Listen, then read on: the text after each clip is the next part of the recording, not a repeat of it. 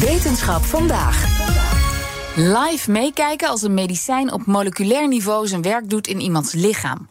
Met een unieke nieuwe MRI-scanner, met een tien keer zo hoog vermogen als normaal, moet het over drie jaar allemaal kunnen. De zogeheten 14 Tesla MRI-scanner komt te staan bij de Radboud Universiteit en het Radboud UMC.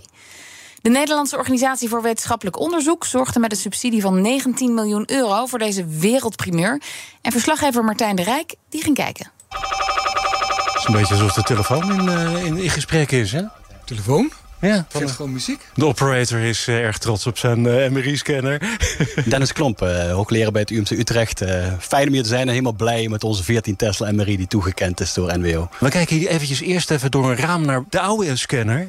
En dat is nogal een bakbeest. Dat wordt dus, nou, dat is nog niet wat, wat er straks gaat komen dus. Nee, dat klopt. Alleen dit valt eigenlijk nog mee. De, meer recent zijn er wat sterkere scanners ook gekomen. Die zien er veel groter uit. Dankzij nieuwe technologie weten we de, weten we de scanner weer klein te krijgen dat zelfs een 14 Tesla ongeveer zo groot is als, of zo klein is... eigenlijk als een traditionele MRI. Waardoor we de patiënten in kunnen en we gewoon goed onderzoek kunnen doen. Nou, 14 Tesla, dat zegt iets over uh, hoe magnetisch dat ding is. Hè? We kijken nu naar binnen ik zie dat het een soort van magnetrondeurtje is... Hè, met zo'n roostertje erover. En dat is geen toeval, toch? Dat klopt. De MRI, dat staat voor de, de M voor magneet... maar de R, daar hebben de radiogolven voor nodig... en die wil je graag in een afgeschermde... Wij mogen ook meedoen, ja? Ja, inderdaad. Dus dat is de reden waarom je altijd in een kooi van Faraday heet dat zit... waar die MRI in geplaatst uh, wordt. Want als je nou daar binnen bent, hoe magnetisch is dat dan?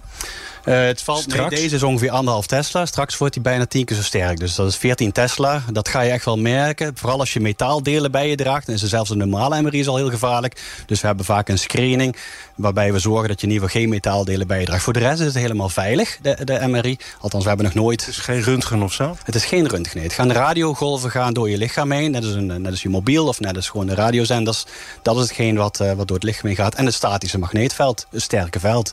Zolang je maar geen magnetische materialen bij je draagt. Want dat is wel gevaarlijk. Je hoort wel eens in het nieuws dat er iets de tunnel ingeschoten is. Nou, dat heeft te maken met magnetische deeltjes. Oké, ik hou mijn apparatuur nog eventjes eh, extra goed vast. Dat magnetisme, dat is nodig om de H2O-molecuultjes in het lijf van de patiënt... of de, de te onderzoeken patiënt... om die een beetje in trilling te brengen. En die trilling kunnen jullie oppakken, toch? Helemaal goed. Dus het watermolecuul zeg maar, heeft een heel klein moment. Dus een magnetisch moment. En als we die in een heel sterk magnetisch veld plaatsen... is een fractie daarvan die gaat zich iets meer met het magneetveld meerichten dan daartegen. En juist datgene wat uit even, die kunnen we uit evenwicht brengen... door er met radiogolven op in te stralen. En water heeft u uh, terecht genoemd. Hè. Het is vooral water waar we met de MRI naar kijken. Maar als we naar de chemische stoffen kijken, dan moeten we naar andere kernen. En dat kan, dat kan straks ook?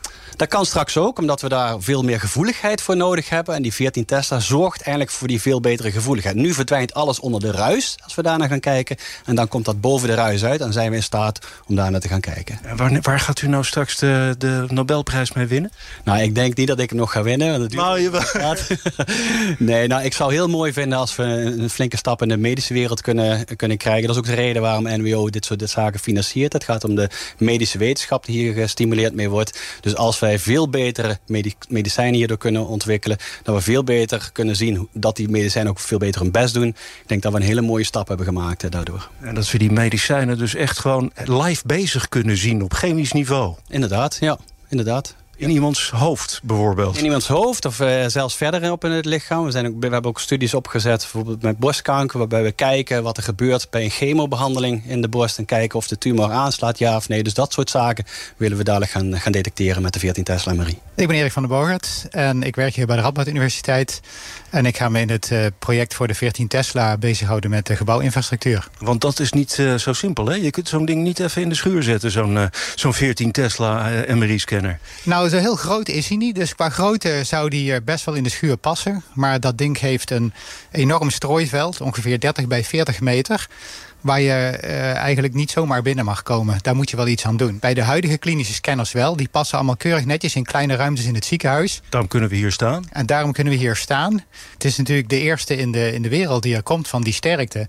Dus uh, het is sowieso een, een echt een uniek uh, uniek, uniek type magneet. Maar om daar een hele werkend apparaat van te maken, daar komt nog heel veel bekijken. Volgens mij is het een enorme eer dat we dit uh, ding nu hier uh, hebben. Niet waar? Ongelooflijk dat we dit ding in Nederland hebben weten te krijgen. En bovendien zelfs, nou ja, Nederland is een relatief klein land. We doen het met heel veel universiteiten en UMC's tezamen. Dus allemaal komen we hier bij elkaar om onze studies te kunnen vervolgen. Ja, ja. Jotem. Ah, super gaaf. Super gaaf. Dennis Klomp, hoogleraar aan de Universiteit Utrecht. En Erik van der Bogert, hoofd techniek van het Donders Instituut voor je, waar het apparaat komt te staan. In een verslag van Martijn de Rijk.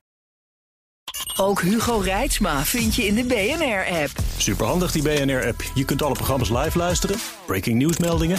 Je blijft op de hoogte van het laatste zakelijke nieuws. En je vindt er alle BNR-podcasts, waaronder natuurlijk de belangrijkste, Boeken zijn in de wijk.